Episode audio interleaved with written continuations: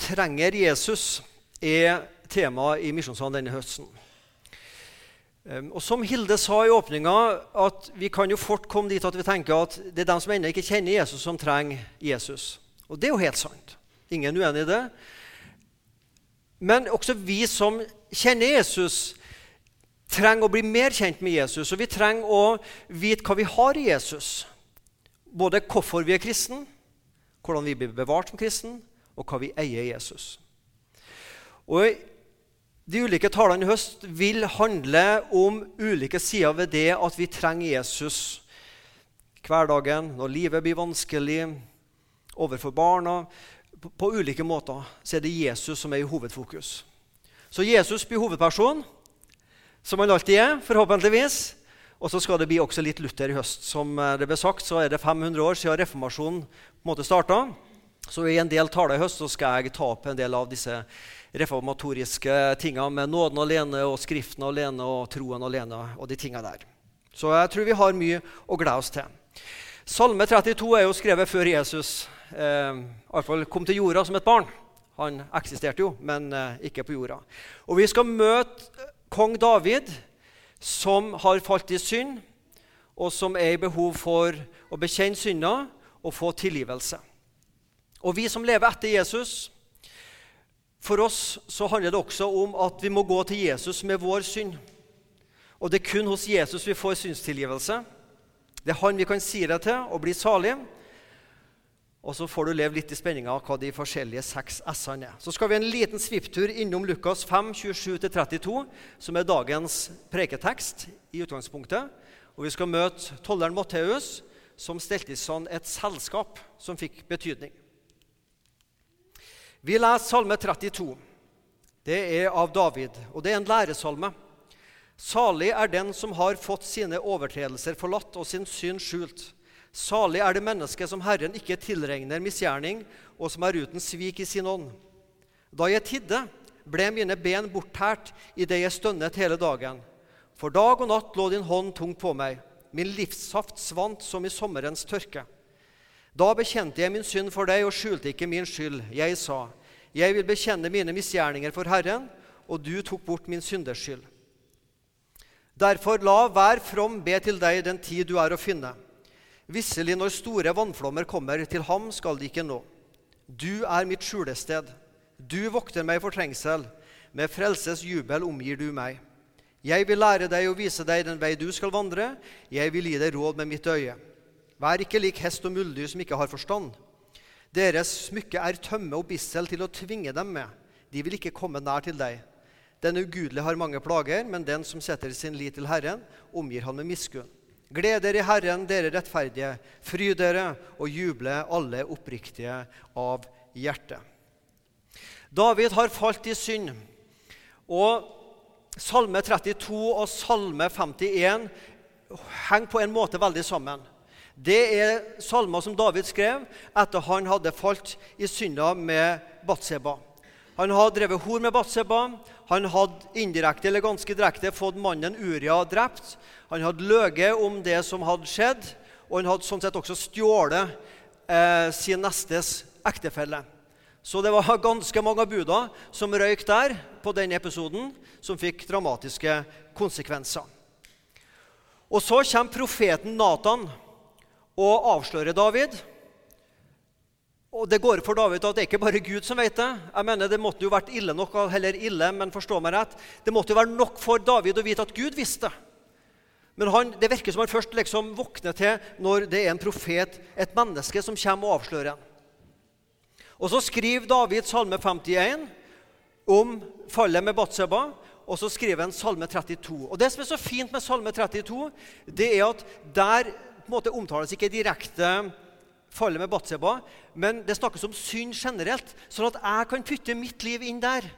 Selv om ikke jeg har gjort de samme syndene som David, så kan jeg putte mine synder, og du kan putte dine synder inn i Salme 32.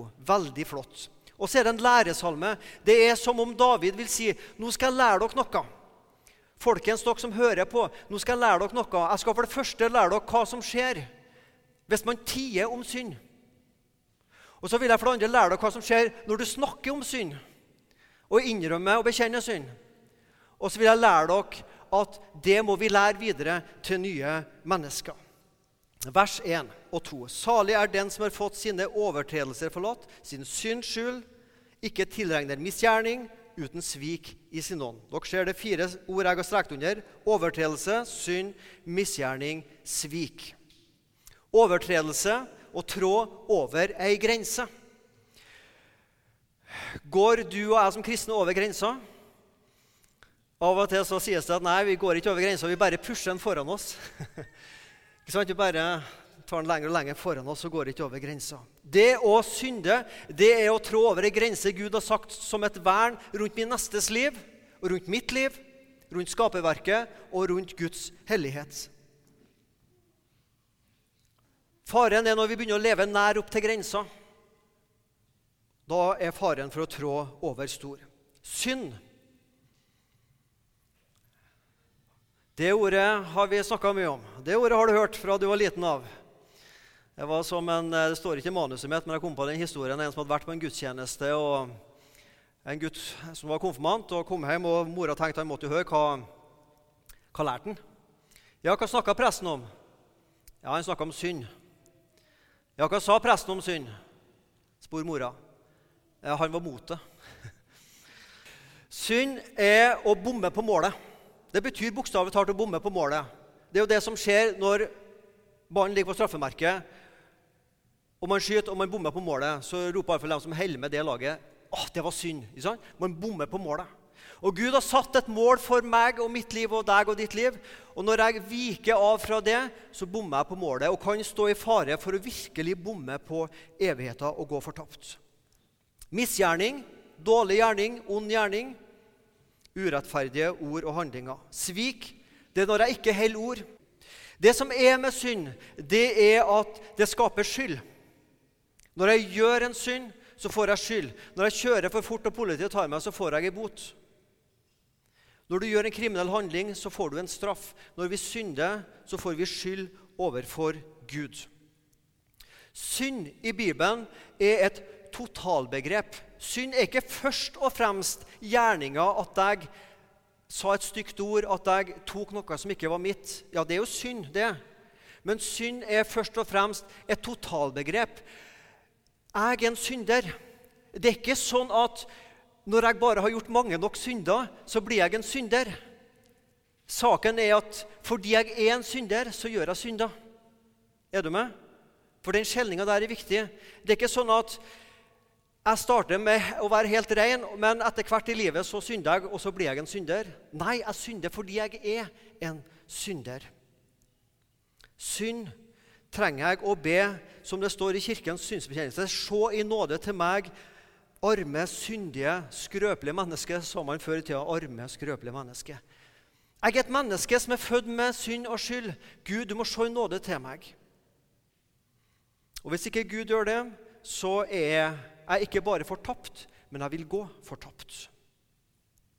Vi er av naturen under Guds vrede, står det i Bibelen. Syns ikke det er kjekt å snakke om det, men Bibelen sier det. Paulus sier det i Efeserne 2,3. Vi er av naturen vredens barn, men vi kan bli født på ny. Men synda det er ikke bare noe som skjer av og til, det er noe som virkelig stikker dypt i oss. Den andre S-en det er skjule. Og det er her David gjorde sin store generaltabbe. Han tenkte tiden leger alle sår. Jeg må bare være stille om det, ikke si noe om det. Så, nok, eh, så vet, er det ingen mennesker som vet om det, og så eh, kanskje Gud glemmer det. Da jeg tidde Dette skriver han i etterpåklokskapens lys. Da jeg tidde, så ble mine ben bortært idet jeg stønnet hele dagen. For dag og natt lå din hånd tung på meg. Min livshaft svant som i sommerens tørke. Da jeg tidde, da du prøvde å skjule synda Har du prøvd på den sporten der å skjule synd? Det har jeg, og jeg er sikker på alle som bekjenner seg som kristne. Vi har prøvd det opptil flere ganger i livet. Jeg må prøve å skjule synda. Og hvis jeg har gjort noe galt, så tenker jeg vel, vel, Gud vet det, men kona mi vet ikke. Uh, Ungene vet ikke, og sånn, og dem vet ikke, og mine venner vet ikke. Og så prøver vi å skjule best vi kan. Og det er jo ikke sånn at alle synder vi skal gjøre, skal vi gå rundt og fortelle til folk. Jeg mener, Det har jo vært trist hvis det skulle vært sånn. Men problemet er jo når vi begynner å skjule ting for Gud. så ble David avslørt av profeten Natan. Hva som hadde skjedd. Og når du og jeg blir avslørt, så skjer det noe inni vårt hode og inni vårt hjerte. Vi kan begynne å psykologisere synder. Ja, Det er heller psykologisere livet. Ja, altså Det er oppveksten min og foreldrene mine sånn, og fikk ikke helt rett sånn påvirkning sånn. Eller vi kan rasjonalisere og bortforklare. liksom, ja, men altså, det Kvinnen du ga meg, det var hun som lokka meg til synd. Det starta jo Adam med allerede, ikke sant, med en gang. Å rasjonalisere og bortforklare. Eller bagatellisere. Ja, men herlighet! Om jeg sa et stygt ord hva, jeg mener i forhold til Saddam Hussein og Hitler jeg mener Det er jo småting, det jeg gjør. Eller vi kan unnskylde oss ikke sant, og skylde på andre. Eller kanskje den øvelsen her er litt uh, av og til vi bruker som kristne. Bare jeg bekjenner de små syndene, så kanskje glemmer Gud de store syndene. Hvis jeg bare forteller de små syndene jeg har gjort, som kanskje ikke er så farlige, så vil kanskje Gud glemme de store syndene. Eller vi tenker litt sånn vippevekt. Eh, vel, jeg vet jeg har synda, så jeg bikker ned der. Men hvis jeg bare får putta på litt bønn og Bibel og givertjeneste, så kanskje begynner det å balansere seg etter hvert. Så blir det så verst likevel. Så begynner vi å tenke litt sånn vippemetoden, så skal få det til å balansere. Eller vi kan i verste fall gi opp kristentroa. Nei, kristentroa det funker ikke for meg. Eller vi kan, som David gjorde til slutt, innrømme det og bekjenne det. Det er så menneskelig å prøve å skjule. Adam og Eva gjemte seg for Gud. David skjulte synder. Og vi mennesker blir stille. Eh, vi av og til vi har et sånt ordtak med si med ungene hvis det er stilt fra barnerommet, så er det noe galt på ferde. Det er greit så lenge det er lyd, men når det blir stilt, da er det noe som ikke stemmer. Det kan være sånn mellom ektefeller òg. Det kan bli veldig stilt. Og vi tør ikke å snakke om noen ting som er vanskelig.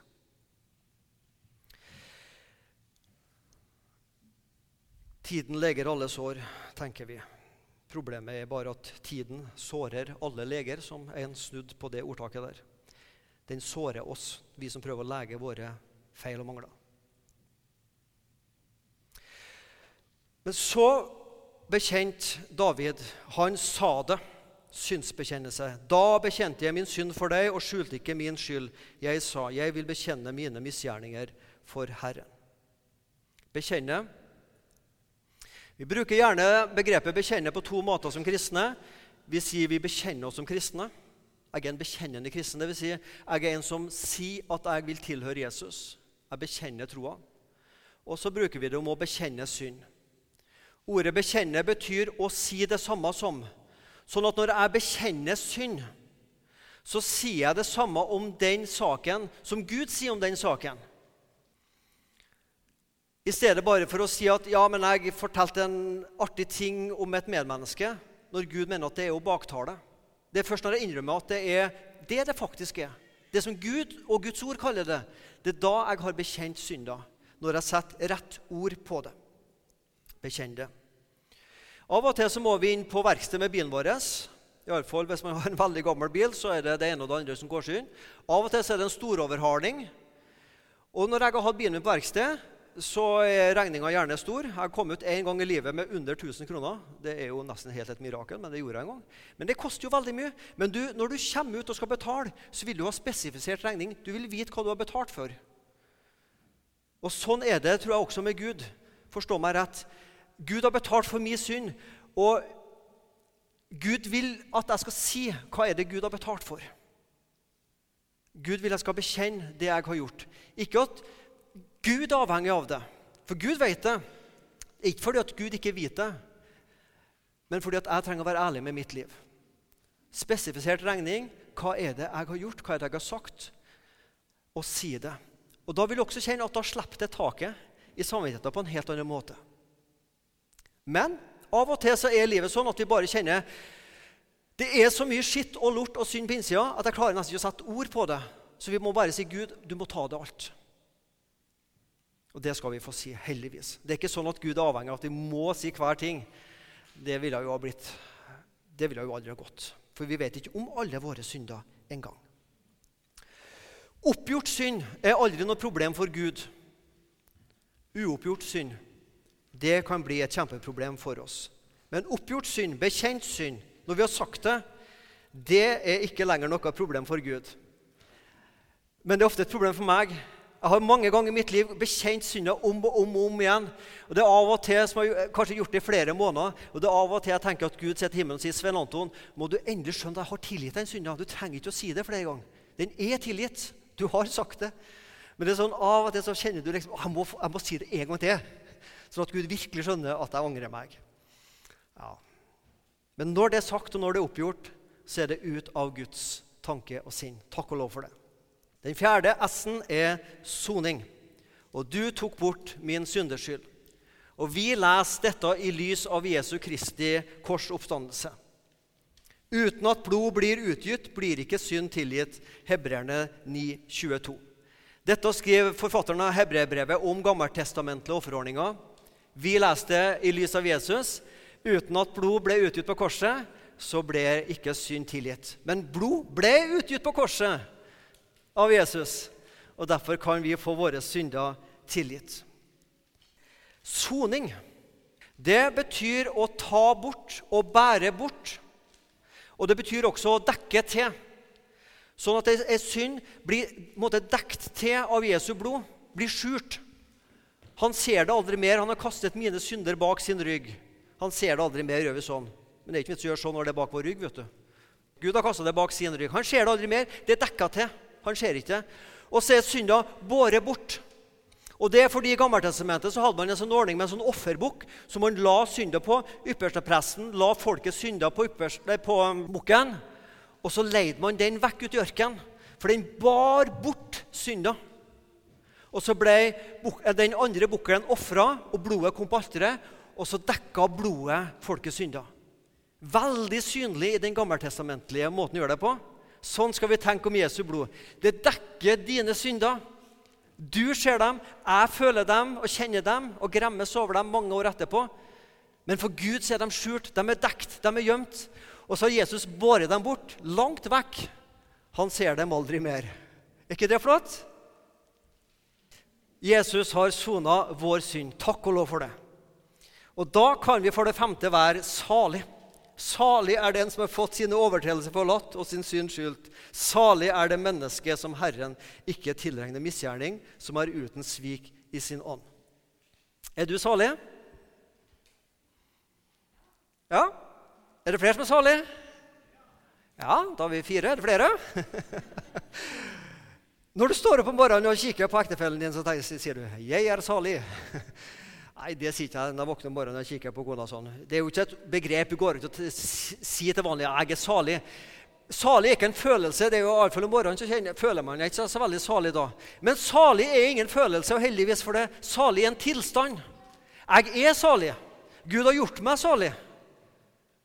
Av og til så er det noen som oversetter det som himmelsk lykke. En åndelig lykke. Og da er lykke mer enn at du bare føler deg lykkelig. Du vet med deg sjøl jeg er tilgitt, jeg er frelst. Jesus er min bror, jeg er Gud til far. Fortapelsen lukka for meg, og himmelen åpna. Jeg er salig, jeg er ren og jeg er rettferdig. Og jeg er himmelen verdig i Jesus Kristus. Det er å være salig, å være et frelst menneske. Å være tilgitt og ha sin glede i Herren. Fått overtredelsene forlatt, synda skjult. Og Herren tilregner ikke lenger meg min misgjerning, den som er uten svik i sin ånd. Det er å være salig overfor Gud.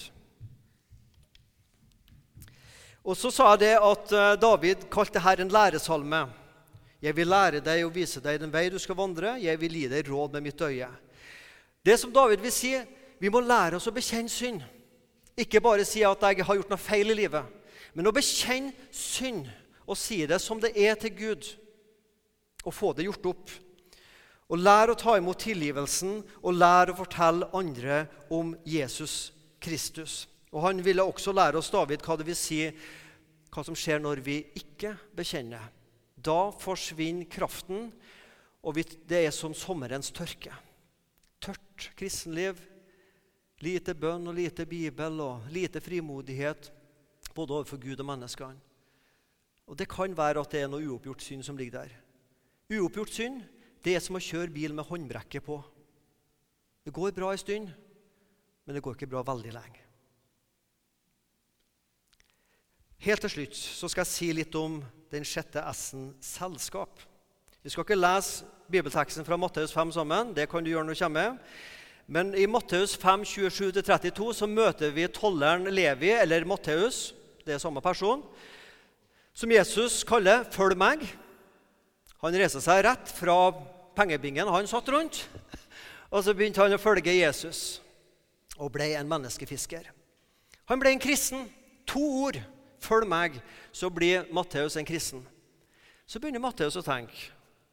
Eh, mine arbeidskollegaer, eh, vennene mine, familien min, eh, de som ikke kjenner Jesus ennå, de, de, skulle ha blitt kjent med Jesus, dem også. Hvordan skal jeg Jeg er ikke så flink med ord og så god ordlegg meg. Jeg kan ikke stå på talerstolen og Nei, det der kan ikke jeg. Men hvordan skal jeg gjøre at andre blir kjent med Jesus? Så kom han på en glimrende idé, Matteus. Han inviterte sine venner til å møte Jesus. Han tenkte yes, hvis jeg, får, hvis jeg samler mine venner, så syns jeg det er vanskelig å snakke med Jesus. Men jeg inviterer dem, og så inviterer jeg Jesus. Og så ordner jeg med kaffen og kaker, og så ordner Jesus med snakkinga. Da måtte det vel bli bra, tenkte han. Og det ble bra. Matteus inviterte til selskap. Og Jeg tok med denne tingen for å ta en liten praktisk ting også. Jeg la oss en bok for en stund siden av en som heter Oddvar Søvik, 'Gå og fortell'. Det er ei håndbok i personlig vitnetjeneste. Og I denne boka av Oddvar Søvik så sitter han fra ei anna bok eh, som heter skal vi se, 'Becoming a Contagious Christian'. Contagious Christian. Eh, hvordan bli en smittsom kristen? Eller en smittende kristen? Eh, av noen amerikanske pastorer som har skrevet den. Og De snakker om ulike måter Selskapsmåten, tjenestemåten, invitasjonsmåten, vitnemåten, den intellektuelle måten og den konfronterende måten. Skal ikke gå inn på alle dem i dag, men bare nevn det med selskapsmåten. For det var Matteus sin måte. Jeg inviterer Jesus til å møte mine ikke-kristne venner. Og så ordner jeg med kaffen og kaker, og så ordner Jesus med snakkinga. Og så får de bli kjent med Jesus på den måten. Hvordan kan du gjøre at noen rundt deg som du arbeider med, kan bli kjent med Jesus? Det er ikke sikkert du syns det er så lett å fortelle. Sjøl meg som har betaling for det, syns det er vanskelig. Um, og det tror mange av oss kristne kjenner på at vi syns det er vanskelig å fortelle.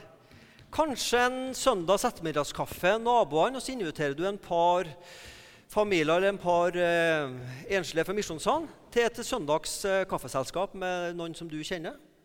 Og så får de bli kjent med noen fra forsamlinga. Kanskje det er måten. Invitere vennene på naboer eh, på, på, julefest. Og så kan man lese fra juleevangeliet sammen og si litt om hva, hvorfor jula er viktig for seg. Selskapsmåten. En kopp kaffe. Det er utrolig hva det kan utrette. Når vi spiser sammen, så kan vi aldri være uvenner. Har du lagt merke til det? Du kan aldri krangle og diskutere hvis du spiser mat sammen. Da har vi godt humør, og Da er det en fin måte å si litt om hva du driver på med, hva du er engasjert i. Ja, jeg går i en forsamling i Sandnes her som heter Misjonssalen. Ja, ja, ja, men det, det, Hva gjør dere der? Så kan du fortelle litt, og så kan det hende at det er en person etter hvert sier ja, men jeg har min barnetro òg. Så sier du så flott. Kanskje du skulle utforske voksentro også? Ja, ja, ja, kanskje det. Hva er det for noe? altså? Selskapsmåten. Borti gata der vi bor, så bor det en familie fra et land i Midtøsten. La meg si det på den måten. Der er mor og far og to barn. De er ungdommer etter hvert, de barna. Mor og barna har fått oppholdstillatelse i Norge, men ikke far, og står i fare for å bli kasta ut. De er muslimer. Og jeg har tenkt på det i ganske mange måneder, ja faktisk en to-tre år. Hvordan skal kona meg, hvordan skal vi få delt troa med dem? Vi inviterte dem på juleselskap hos oss. Eh, så var vi på selskap hos dem nå i sommer så tenkte jeg jeg må få meg en prat med far i huset. For han kan nesten ikke norsk. Så da må jeg ha med sønn. Han er god i norsk, men begge er muslimer. Så ute på kafé nede i byen der jeg bor. Eh, spandert på kaffe og et kakestykke og en god prat. Og sakte, men sikkert prøve å komme inn Det er jo lett for meg, kan du si, og det kan jeg sjøl si også. Jeg er jo ikke sant, jeg kan jo ta utgangspunkt i min jobb. Jeg er prest, og har de, de, har veldig respekt for prest og veldig respekt for Issa, for eh, Jesus. Veldig, det er mye lettere å snakke med en muslim om Jesus enn å snakke med en sekulær nordmann om Jesus. Og Vi fikk en god samtale, og denne faren han må ha en operasjon snart. Og jeg sa at eh, kan jeg få be for deg? For eh, det du har i kroppen som eh, ikke er så bra. Ja, ja, det, han eh, har veldig tro på bønn, faren. Ja, men jeg ber i Issa, Jesus sitt navn, sa jeg. Jeg ber ikke i, eh, sant? Jeg ber i eh, den kristne Gud sitt navn. Ja, men det var helt greit. Så satt vi der, en sterktroende muslim på min alder. En sønn i starten av 20-åra som er en sekulær muslim, som uh, sier at Gud og jeg vi er ikke helt venner for tida. Jeg, jeg er litt på motsatt side av min far. Så fikk jeg vitner for han òg, når han var med og måtte oversette. Så satt vi der, og så ba jeg i Jesus sitt navn. Det var ikke så mye mer jeg fikk sagt. Jeg sa litt om forskjellen på Jesus i islam og i kristendommen. Og jeg, jeg, jeg fikk ikke flytta han fram til den grensa der de tok valget nå vil jeg tro på Jesus. Men jeg tror med den lille kaffekoppen der og det kakestykket så flytta de litt nærmere. Kanskje en dag så møter de en ny kristen som er med å flytte dem enda nærmere det å ta imot Jesus. En kopp kaffe, et kakestykke. Inviter noen kristne venner fra misjonssalen eller menigheten du går i. Inviter noen arbeidskollegaer eller noen i gata og få en god prat over en kopp kaffe. Det er mye åndelig kraft i det. Lykke til med selskapsmåten. Kjære Jesus. Vi takker deg for synda, men vi takker deg for synsbekjennelser og for synstilgivelser. Vi takker deg for din soning på korset. Vi takker deg for at fordi vi har tatt imot det, så er vi salige. Og så har du utrustet oss forskjellig, men hjelp oss å bruke den måten som du mener best for oss, til å vitne om. Og velsign hver enkelt som inviterer til et selskap der du har plass til å bruke kristne venner til å vitne om trua på deg. Amen.